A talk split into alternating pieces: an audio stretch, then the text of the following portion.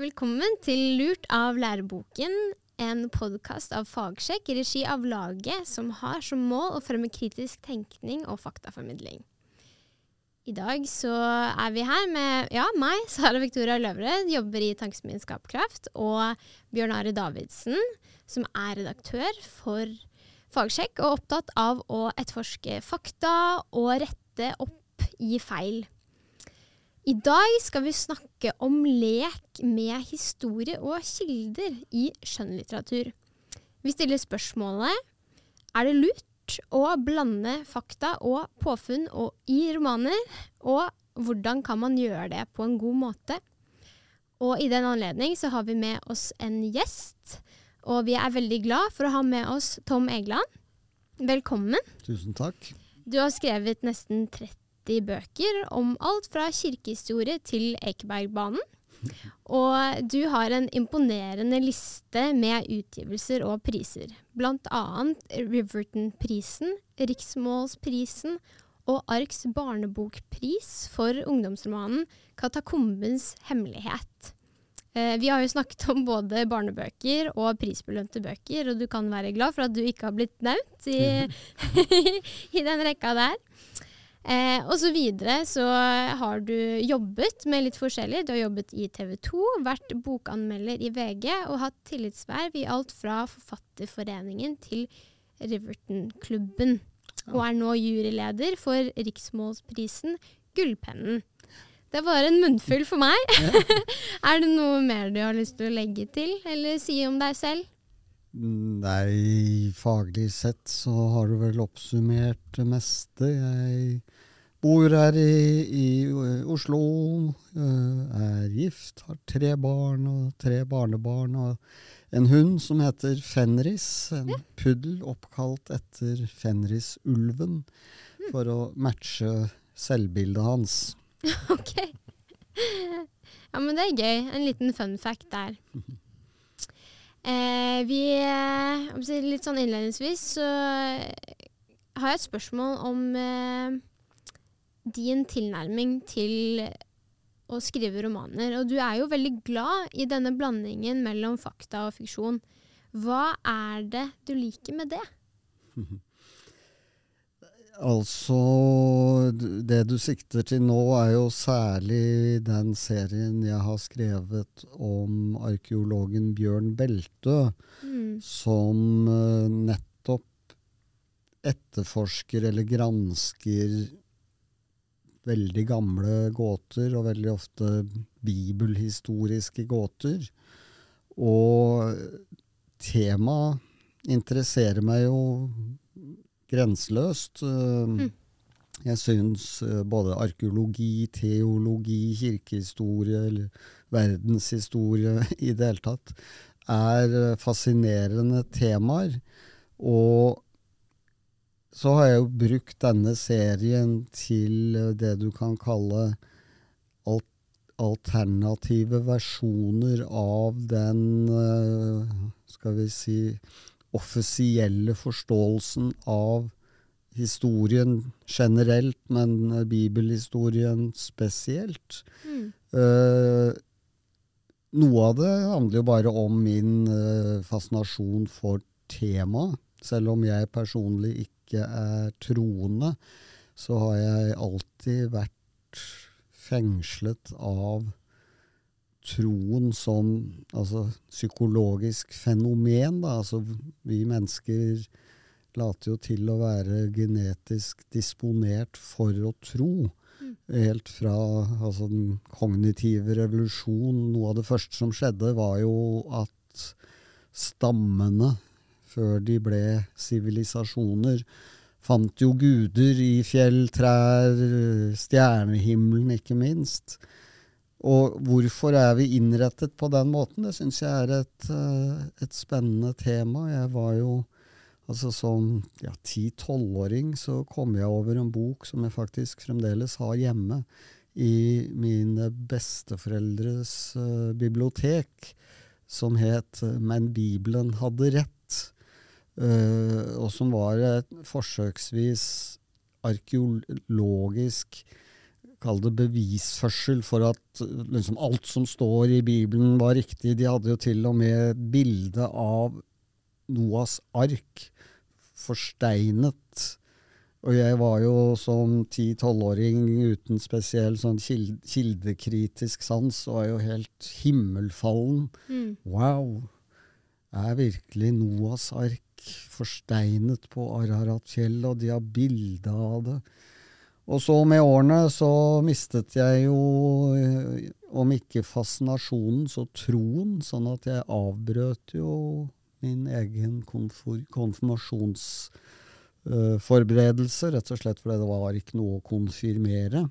Mm. Og så noen år etter det igjen så reiste jeg til USA som utvekslingselev og endte opp i en mormonfamilie. Uh, det var jo som et sånn sosialantropologisk feltstudium for meg, da, å få være med i deres uh, kirker, uh, delta i, deres religiøse hverdagsliv. Hvilket igjen bare styrket min overbevisning om at enhver religion i bunn og grunn er kulturelt betinget. Altså Mormonismen flyttet jo på sett og vis kristendommen til det amerikanske kontinent. De har jo en fantastisk liksom, fremstilling av alt dette i, i Mormons bok, uh, som for så vidt ikke overbeviste meg, men jeg syns det var fengslende. Mm. Så... Skyte inn at jeg mm. også leste den boken, uh, tror jeg som heter Werner Keller ja, det er den jeg eh, sikter til. Uh, men den leste jeg da jeg blitt kristen. Altså, jeg ble kristen i, i, voksen alder. Jeg er liksom motsatt. Ja. ja. uh, og, og, jeg syntes også den var litt rar, ja. så jeg tok meg bryet med å sjekke den, jeg, da. Okay. fant ut at noe sånn stemte, som og du gjør. Ikke. Ja, nei, sånn er det jo gjerne. Det samme gjaldt mormors bok, da, som jeg også faktisk leste, og, og syntes det var mye rart. Men den brøt jo også mye med arkeologien i Mellom-Amerika osv., så, videre, så så jeg slo det fra meg. Men, men, det som er fascinerende med Mormons bok, er jo at den, den leser jo som Bibelen. altså den er jo på et, For å liksom velge en skjønnlitterær tilnærming, da. Det er jo akkurat som å lese liksom en, en, noe som kunne ha stått i Bibelen. Altså Joseph Smith, som da jeg mener skrev den, og ikke engelen Moroni, eh, hadde jo et poetisk vakkert språk. Uh, men altså historien bak altså, ble, altså, Disse gullplatene med denne teksten ble jo funnet i altså, var det en flosshatt i bakhagen, eller hvordan det, det er så mye rart mm. som uh, virkelig jeg ikke skjønner at noen tror på. Altså han, han, hadde jo uh, lest veldig mye i King James uh, version ja. Av, av, den engelske bibelen, så han, dette kunne han det poetiske uh, språket fra 1600-tallet. Ja. Og disse gulltavlene og sånt. Det er jo veldig interessant å se. Fordi at det bygget så mye på datidens liksom, mytologi, mm. om, bl.a. om hieroglyfer. Som var veldig vinden på den tiden. Altså han påstod han kunne lese hieroglyfer okay. med spesielle briller. Dette var før Rosetta-steinen? Det var, det var etter, etter, faktisk. Ja. Men uh, han, han, hadde altså overhodet eh, aldri noe som tyder på at han faktisk kunne lese hieroglyfer. Bjørn Are, du som er opptatt av faktaformidling. Hva tenker du om dette med å leke litt med kilder og historie? Så jeg liker å leke. Kanskje altfor mye, egentlig. Men eh, jeg, altså, det er utrolig spennende, for du stim, blir stimulert altså, av å tenke over muligheter. Hva kunne ha skjedd, hva kan ha skjedd der hvor vi har for lite kilder, der vi kanskje ikke er helt uh, i stand til å tro at kildene er, uh, beskriver virkeligheten ordentlig. Uh, så det jeg tenker er at det er det viktig at man gjør. Men samtidig er det noen utfordringer ved det. Og en av de er at man da kan, overfor folk som ikke selv er veldig kjent med fakta, at du kan forlede noen til å tenke at dette her er det mer hold i enn det faktisk egentlig er. da. Og det ser man jo eh, i altfor mange sånne eh, romaner langt tilbake i tiden. Da. Men da sa Dan Brown, da, Da Vinci-koden, som et sånn skoleeksempel på hvor mm. mange som har latt seg forlede fordi han ikke var flink nok til å skilne, skjelne mellom det som var fakta og det som ikke var det. Ja, Han åpner jo med altså Førstesiden i Da Vinci-koden heter jo 'Fakta'. Og det er jo ikke det. Mm. Men, men, jeg tror nok at Dan Brown trodde det. Ja. Da han skrev boken, altså dette med Sion-ordenen og liksom dette vanvittige med at Leonardo da Vinci skulle ha vært stormester i en orden, og da Altså mitt grunnleggende spørsmål hvis han var stormester i en orden som skulle hemmeligholde verdenshistoriens største hemmelighet, hvorfor i all verden maler han inn bøttevis med spor og hentydninger i sine malerier? Altså det, det er jo så ulogisk. Mm. Uh, så, så, mye av Dan Browns teknikk er jo å finne sammenhenger altså trekke streker mellom punkter som, som, for så vidt er der, men det er bare ingen sammenheng. Mm. Uh, og, og, du, Bjørn Are, du har jo arrestert ham på mange altså, teologiske altså, påstander om at kvinner fikk sjel på kirkemøtet i Nikea, liksom nærmest ved håndsopprekning. Mm. Uh, temaet var vel knapt nok oppe. det var ikke mm. interessant engang, fordi at man hadde fra første stund veldig klarhet at kvinnen var mm. sjel. Ja. ja. Nei, så, så altså, til det store spørsmålet ditt, så er, er det jo øh, Altså, har vi romanforfattere rett til å leke oss i en faktaorientert verden?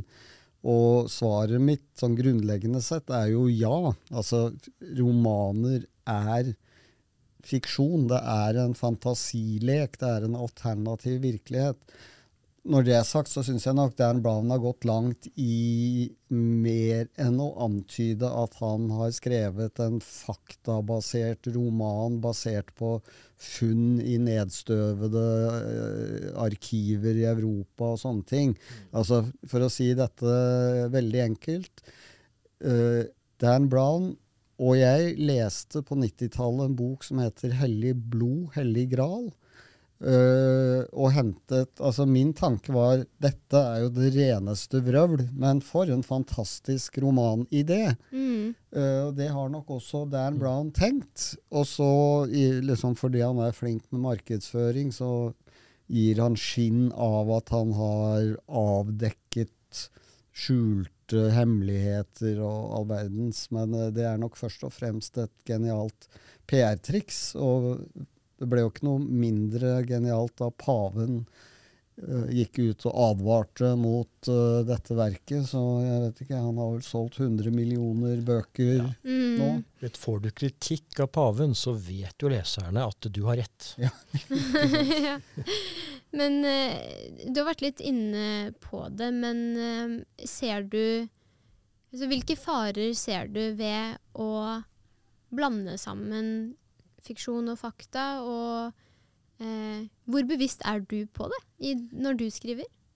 Jeg prøver å være bevisst på det. Altså, jeg Når jeg skriver om, hva skal vi si, altså teologi kirkehistorie, eller historie i det hele tatt, så liker jeg jo å begynne på et faktabasert grunnlag. Altså jeg leser meg veldig opp mm. på særlig amerikansk teologi, da, eller altså populærvitenskapelige teologiske bøker som Bart Ehrman og, og den type flinke formidlere. Mm. Og så dikter jeg jo videre oppå det. Og jeg, altså, det er jo Jeg skriver jo romaner. Altså, jeg liker jo også nå å inkludere et etterord som med årene er blitt lengre og lengre, og munner ut i et nesten lite leksikon, da, hvor jeg mm. punkt for punkt prøver å skrive faktabasert om de tingene jeg tar opp. Mm. Uh, hvem har levd? Hvem har jeg diktet opp? Finnes den kodeksen jeg henviser til? Det gjør den kanskje ikke. Altså, jeg dikter opp kodekser og skriver om virkelige kodekser. Uh, jeg bruker veldig aktivt et uh, altså noteapparat, altså fotnoter, som jo strengt tatt er uhørt i litteraturen. Mm. Altså Romaner flest har jo ikke fotnoter. Men jeg gjør det jo som en del av fiksjonen, fordi jeg har både reelle fotnoter, altså f.eks. henvisninger til bibelsitater. Da, hvor er det hentet fra? Mm. Men så dikter jeg jo opp andre fotnoter, f.eks. hvis jeg eh, henviser til kjente doktoravhandlinger. Som jo Mm. liksom Jeg bare prøver å finne veldig akademiske titler på disse Mm. avhandlingene. Uh, I sum er jo dette her en, en, en lek, men samtidig føler jeg nok Altså, jeg skriver jo underholdningslitteratur og spenningslitteratur, men samtidig liker jeg jo å se på det litt grann som folkeopplysning også, for det, jeg prøver jo å være altså faktabasert veldig langt inn i fiksjonen, da. Mm. Sånn at når jeg f.eks. skriver om øh, ja, Judas, Paulus, øh, Satan for så vidt, Moses, alle disse uh, bibelske karakterene, så legger jeg jo et grunnlag som er helt reelt, altså så godt det er mulig, da. Mm. Uh, og det skal jo sies at det er jo i Bibelen mye mange pussigheter som jo for meg fremstår like oppdiktet som det jeg dikter opp. Så på en måte forlenger jeg jo bare en, en, en tradisjon. Eh, men, men jeg håper jo jeg håper oppriktig at bøkene mine eh, som leses av ganske mange kristne, og selv teologer og prester og professorer og greier, at, at de, de gir, selv om det er fiksjon, også innsikt. da. Mm. Hos, altså vi er forbløffet over hvor mange kristne mennesker jeg møter og diskuterer med, Mm. og som rett og slett ikke vet noe som helst om faget teologi. Mm. Altså det ondes problem, f.eks. teodiseen. Altså, det har de ikke hørt om. Uh, kan Moses ha levd? Det er jo et ganske interessant spørsmål. Altså, han kan jo knapt det. I hvert fall Det gamle testamentets fremstilling av Moses. Altså kanskje levde det en figur en gang baki der som dannet grunnlaget for denne beretningen. Men altså, han, han skildrer jo sin egen død, sånn at det sier seg jo selv at uh, her har det Mm. vært et knippe redaktører og rewritere inne i bildet.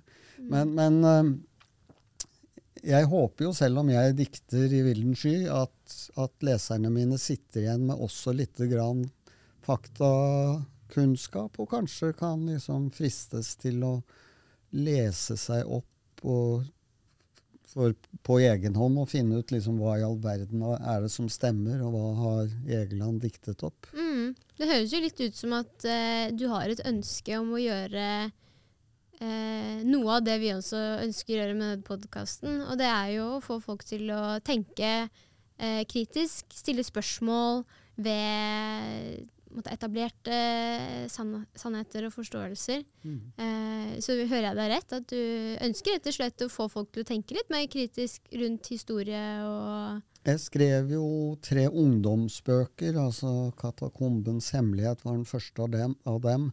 Hvor en guttunge er med mammaen sin på jobb. Hun er arkeolog.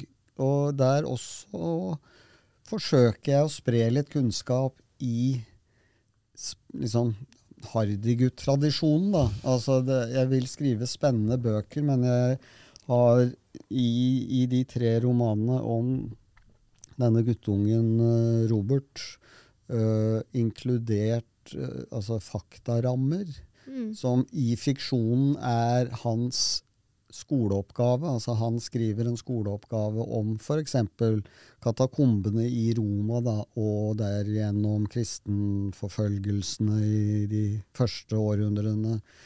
Uh, og, så ja, det er et genuint uh, ønske i meg å spre litt kunnskap, og i hvert fall fascinasjon for disse temaene, sånn at, uh, barn og unge kan lære seg at det fins mer i livet enn TV-spill og dataspill og disse tingene, og at det kan være faktisk spennende å lese en bok og faktisk lære noe samtidig. Mm.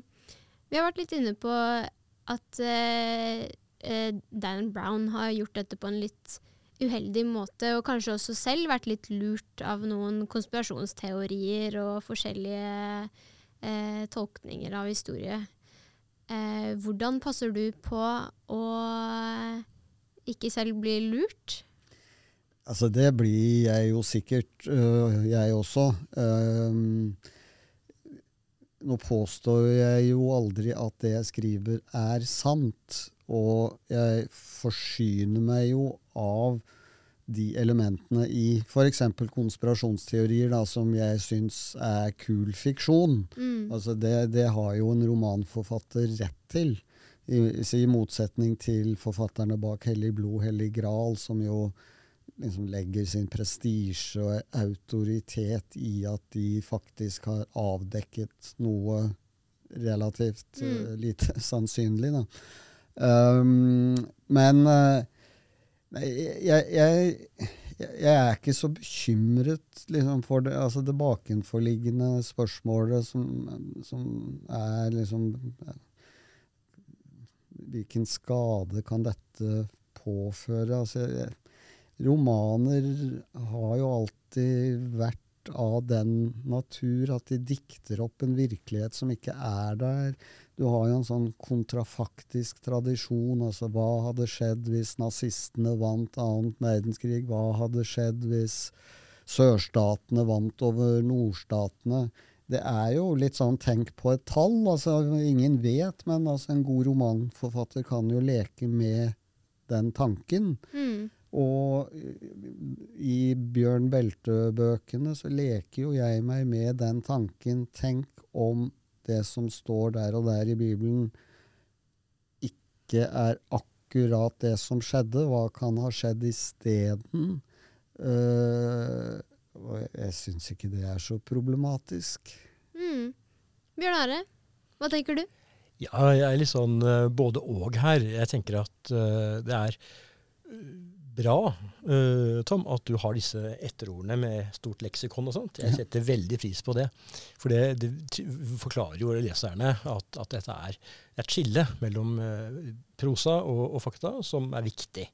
Fordi at det er så bra å leke, syns jeg, da. Mm. Og, og, det jeg da tenker er at uh, nesten uansett hva man skriver om, så har man en slags ansvar for hvordan dette oppfattes. Og hvis man da dikter veldig mye om la oss si Arbeiderpartiet, da, Uh, og så leses dette av ivrige Høyre-velgere. Og så blir de veldig forsterket da, i sin uh, mistro til Arbeiderpartiet. Eller motsatt. Og, og, og, da er det kanskje ikke helt nøytralt. Så man må være litt oppmerksom på det. Og så er vi også ofte så farget av de tingene vi leser, at det gjerne skinner gjennom. Uh, og jeg har jo lest mye av det samme som du har lest, Tom. Ikke alt, naturlig nok, men mye. Mm. Sikkert mer. Uh, og, ja, på andre områder kanskje, jeg vet ikke. Men, men, uansett så er det i hvert fall sånn at det jeg ser, er at uh, f.eks. i USA, som du henviser til, med Ehrman og sånn, så er det jo en debatt. ikke sant? Og Ehrman står liksom på én side, og står det andre på litt andre sider. og så kan man, Jeg har hatt moro av å lese disse bøkene, og motbøkene til Ehrman og hans svar. ikke sant? Og, debatter og greier. Og Det, det synes jeg er veldig morsomt og stimulerende da, å se at det er mulig å rydde litt opp da, i disse veldig bastante påstandene som særlig han har i sine populærbøker om bibelmanuskripter og sånt. Uh, men uansett så tenker jeg at, at uh, det å skrive en roman hvor man på en måte tar opp ting da, som betyr noe for mange, så er det nok litt viktigere at ikke man liksom uh, har for mye som kan lede folk på, på, tanker som kanskje ikke stemmer helt. Men, men er, altså, hvis jeg skulle skrevet en roman om, om uh, hinduismen, så ville jeg jo ikke hatt noe stort og sterkt ønske om at nå skal jeg skape flere hinduister. Så mm. det blir jo litt, sånn, litt avhengig av hva du selv står for. ikke sant? At Hvis du leker med noe, så er det jo klart at du har en eller annen Du har ikke noe ansvar for jeg har ikke hatt ansvar for det, for det er jo mest skulle liksom skrevet noe om hinduister eller muslimer eller ateister, hva det måtte være. liksom At de må ikke ta seg nær av dette og bli forledet. ikke sant? Det er, sånn er det bare. Mm. Det er jo um, Altså, jeg ble jo kjent med um, Bjørn Are da han, hvis jeg husker rett, skrev en kronikk i Dagbladet tilbake på tidlig 2000-tall uh, om da Vinci-koden, hvor han uh, også henviste til min bok, da, som heter 'Sirkelens ende', som kom et par år før da Vinci-koden, og påpekte at det var litt færre feil i min bok enn i Dan Browns bok. Så jeg ble veldig nysgjerrig og skrev til Bjørn Are liksom, hvilke feil har jeg gjort, da. Mm. Uh, og um, så dette har jo med årene ført til at jeg bruker jo nå Bjørn Are altså som historisk teologisk konsulent. Altså jeg mm. dels brevveksle litt med ham før jeg skriver. Altså, har du tanker om dette prosjektet? Er det noen bøker jeg bør lese? Har du skrevet blogginnlegg om dette? Og i ettertid sender han manus og får tilbake liksom 3000 kommentarer. uh, han er god på de kommentarene. Mye, noe av det kan jeg bruke. Andre Altså, jeg skriver jo populær populære bøker. Jeg skriver jo ikke fagbøker. Sånn at jeg, liksom, der hvor Bjørn Arlere da går inn i nei, den og den tradisjonen på 1400-tallet, ville nok en katolsk altså, mm. uh, Det blir for, for, grundig for meg, men, men, han har jo hva skal jeg si, reddet meg fra mange banale feil da, som jeg i min uvitenhet begår, eller presiseringer, tydeliggjøringer noe av det kan jeg jo flytte over i, i eh, etterordet, eller leksikonet, som klargjør uh, hva som er fakta, og hva som er diktet opp. Men uh, og, og, og, før jeg skriver, så jeg prøver jo å sette meg inn i det teologiske grunnlaget. Altså det, jeg skrev jo for et par år siden en bok som heter 'Sølvmyntene' uh, som tematiserer Judas. Altså hvem var nå Judas? Som jeg syns er et grenseløst interessant spørsmål. Altså, Judas er jo verdenshistoriens mest forhatte mann. Mm. Men kan historien ha vært en helt annen? Uh, kan Judas i ettertid ha blitt stemplet for noe hvor hans kanskje egentlige motiv var helt legitimt og prisverdig. Uh, det er jo et sånn type spørsmål som uh, ja, Altså i det, i det, teologiske miljøet så ble det fullstendig oversett. Men altså, jeg, jeg syns jo det er et relevant og spennende spørsmål, og det foreligger jo noen sånn teolo teologiske hypoteser. altså han egen, Ville han egentlig redde Jesus unna mobben? Var det derfor han ja, Alle disse tingene. Men jeg aner jo ikke, og det gjør jo strengt tatt ingen andre heller. Men det å stimulere til en tankeprosess der nettopp spørsmålet kan romstere litt, da, i, gjerne i de troendes hjerter. Var nå Judas så fæl. Var han så liksom grusom at han forrådte den han Han var jo en av Jesu aller nærmeste. Uh, kanskje er historien en annen. Kanskje har bibelforfatterne måttet pynte litt på, eller liksom omskrive historien for å skape en tydeligere antagonist, altså et tydelig fiendebilde. Jeg vet ikke, men jeg syns det er en spennende tankerekke. Altså, apropos antagonist.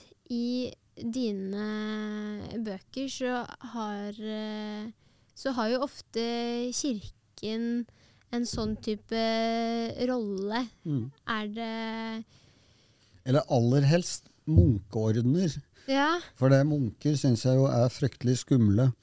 uh, og det er jo i, i regionshistorien. Altså mye rare munkeordener, mye rare tanker, øh, og for så vidt mange rare sekter, da. Én ting er jo, hva skal vi si, de ordinære sektene innenfor den kristne kirke, men du har jo virkelig mye rart og mange, for meg, sære synspunkter. Sånn liksom dette er det 144 000 som skal frelses. Altså, liksom, hvorfor det? Hva, hva, er rimeligheten i det tallet? Hvorfor skulle Gud sitte og bestemme det? Men, øh, men øh, det er jo øh, Nå glemte jeg jo det opprinnelige spørsmålet ditt. Nei, det var jo litt spørsmål om kirken som skurk. Jo, jo kirken som Altså det har jeg ikke noe problem med. Altså, Kirken har gjennom 2000 år vært en av de mektigste institusjoner, kanskje mer enn altså, konger og keisere og makthavere. Så har jo Kirken som institusjon øh, gjort mye fælt. Uh, eller for å snu på det, mennesker har gjort mye fælt i kirkens og Guds navn.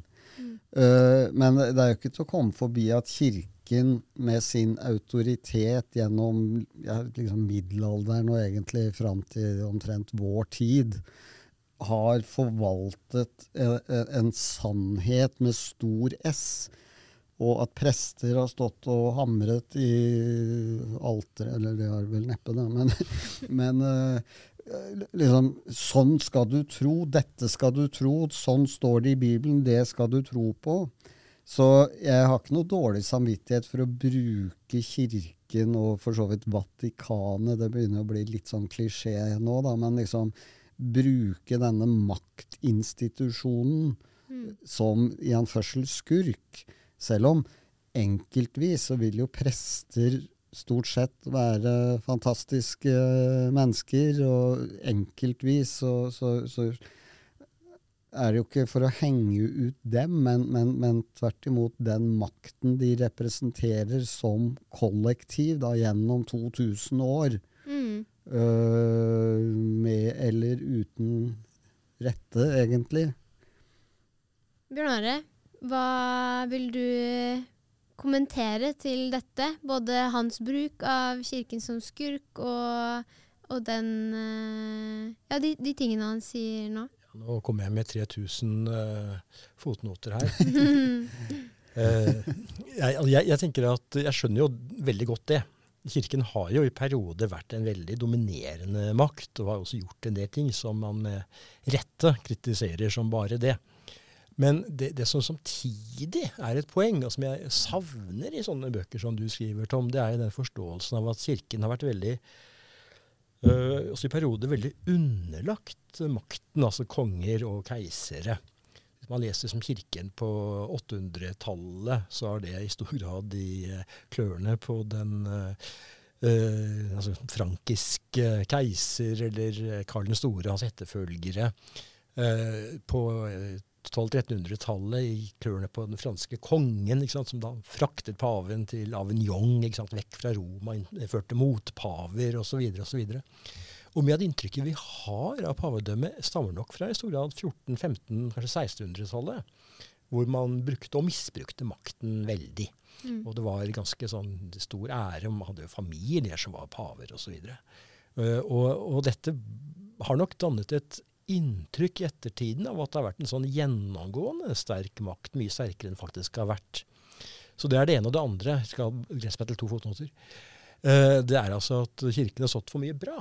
At den har gjennomført gjennom uh, veldig mange år en policy som har bidratt til å skape forståelse for menneskeverd, fred osv.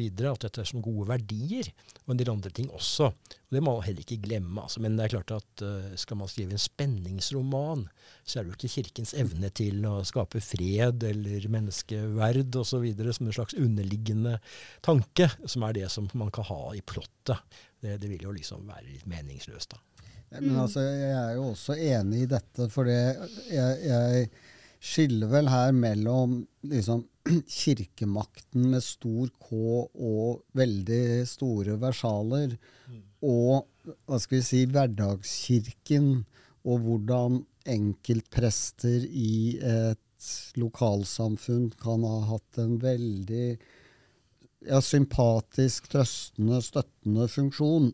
Så, så, men det er som Bjørn Are sier, eh, altså når jeg skriver spenningsromaner, så vil jeg skrive spennende bøker, og skurker er gjerne relativt uh, endimensjonale. Og, og, gå inn på hvordan Kirken faktisk gjennom århundrene har gjort gode ting. Faller utenfor den type romaners prosjekt. Jeg, altså selv om jeg ikke er troende, jeg definerer meg jo som kulturkristen. Altså i den forstand at jeg syns Jesus var en grepa kar. Jeg tror bare ikke han var Guds sønn og sendt til jorden for å dø for våre synder. Altså, jeg skjønner ikke konseptet. Eh, hvorfor skulle han dø for det? Altså, på hvilken måte skulle hans lidelse og død på noe som helst vis liksom rydde opp i alle, alle de uhumskhetene resten av menneskeheten begår? Men altså, det er jo på en måte min ateisme, da. Altså, jeg, jeg skjønner ikke konseptet Gud. Jeg skjønner ikke Hvis han virkelig skapte ikke bare jorden, men nødvendigvis hele universet.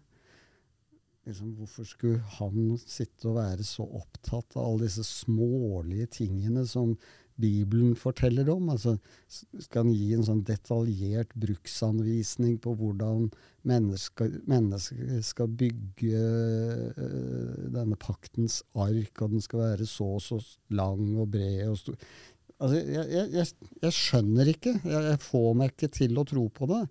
Jeg kan strekke meg til liksom, ok, hva utløste the big bang, hvis nå det er et faktum? Kan jeg strekke meg til liksom, ja, kan vi kalle den kraften noe guddommelig? At, at det fins en eller annen kraft vi ikke kjenner i universet.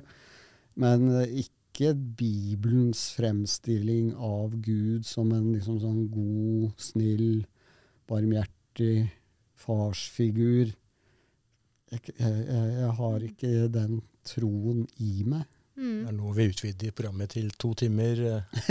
ja, nei, det er utrolig store teologiske spørsmål du, du ja, eh, setter lest, ord på nå. Jeg har jo lest uh, Bjørn Ares interessante bøker uh, om disse temaene. Mm. Ikke minst fordi jeg er nysgjerrig. Altså Bjørn Are er jo en usedvanlig intelligent, smart mann.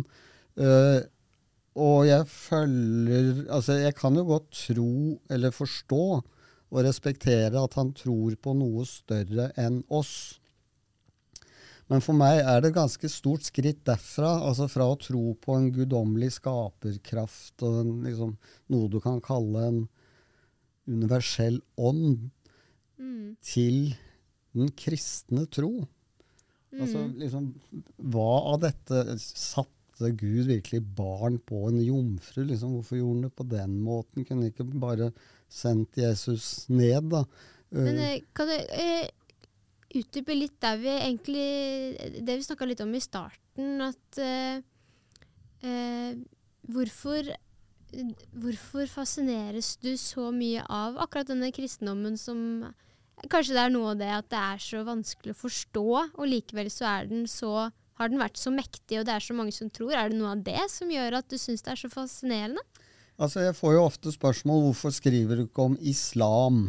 Mm. Uh, og svaret på det, rent bortsett fra at jeg gjerne vil overleve, men er jo så enkelt som at interesserer meg ikke. Mm. Eh, kristendommen interesserer meg. Altså, som, som, som, guttunge var jeg jo sånn, Jeg hadde jo en barnetro, og jeg ba jo Fader vår og hva heter det sånn aften, Hva heter det? Aftenbønn. Mm. Uh, men, Hvorfor? Men mistet jo, mistet jo den troen. Og jeg tror Altså, dels handler det for meg om psykologi.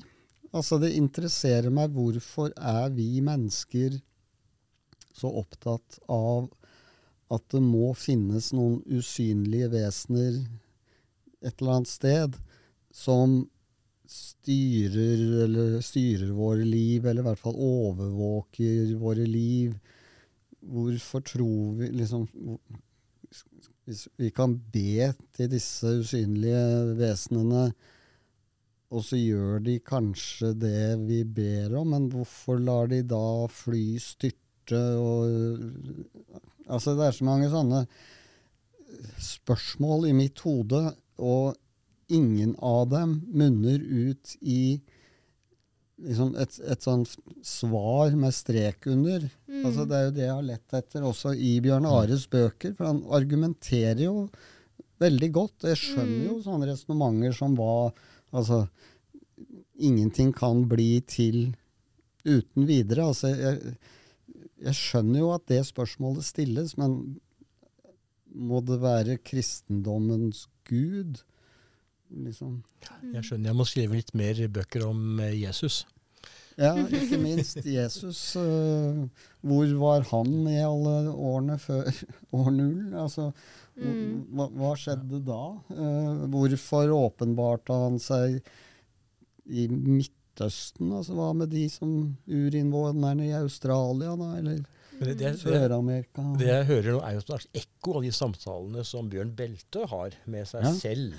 Ja, ja. Er det en forlengelse av dine, dine indre betraktninger? ja, altså og- Bjørn Beltes syn på troen og livet og sånne ting er jo mine. Mm. Altså Jeg bruker jo han som talerør for mange av de spørsmålene jeg måtte ha. Mm. Uh, selv om jeg, altså, det er jo ikke på noe som helst vis selvbiografisk, men altså synspunktene hans er jo mine. Synspunkter, spørsmålene hans er ofte mine.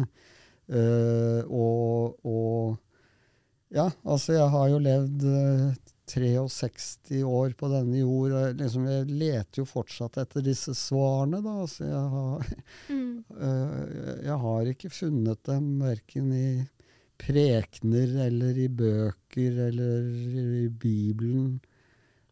Altså, Bibelen blir for meg bare en påstand. Det er en utfordring til landets uh, prester og predikanter å lese deg enda nøyere og se om de kan svare på disse spørsmålene du Mm. nå kommer med, og som Bjørn Belte da har i bøkene. Jeg fikk litt lyst til å gå gjennom dem selv, jeg nå. Ja, Mm. Ja, det, det kan du gjøre. ja, gjerne det.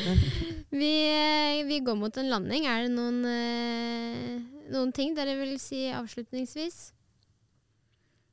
Det får Bjørn Are si. Så jeg, Du kan jo si, Er det en, en eh, bok eller to du særlig vil eh, anbefale av Tom? altså jeg har jo selv en veldig forkjærlighet for science fiction.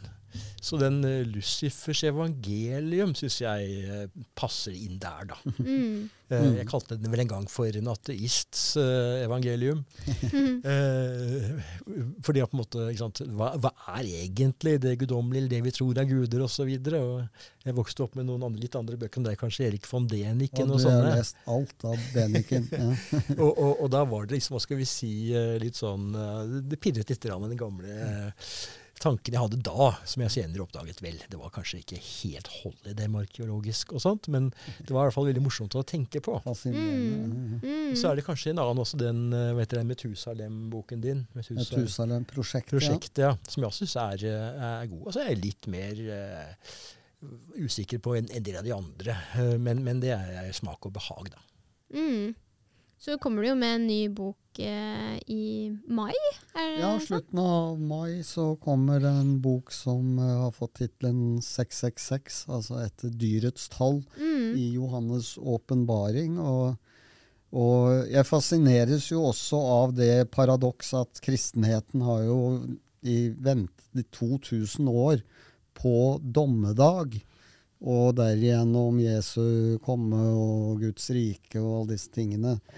Så hva om Altså Vi er jo så vant nå med islamistiske fundamentalister og terrorister. Hva om en kristen sekt fikk det for seg å ville hjelpe Gud med å få utløst denne dommedagen? Mm.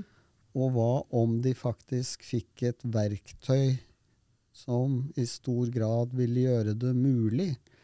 Da må jo Bjørn Beltø på saken og rydde opp i dette før det går aldeles for ille. Yes. Vi vil da sterkt oppfordre alle fundamentalistiske sekter til å holde seg langt unna den boken. yes. Så den kommer i mai. Tusen takk, eh, Tom Egeland, at du Takk ville være med oss i dag. Takk til alle lyttere. Vi håper at dere vil være med oss i fortsettelsen neste gang. Kort, Bjørn Are, hva, hva skal vi snakke om da? Ja, Vi skal snakke om eh, noe vi har snakket mye om, denne gang litt mer med. Altså en lærebokforfatter. Ja. Så det kan jo bli en helt litt avveksling. Det er jo fair at de kan få stille opp og forsvare seg selv, og ikke bare bli kritisert sånn fra avstand. Yes, men eh, takk for i dag, og sjekk oss ut på sosiale medier, fagsjekk.no, og følg med for flere episoder.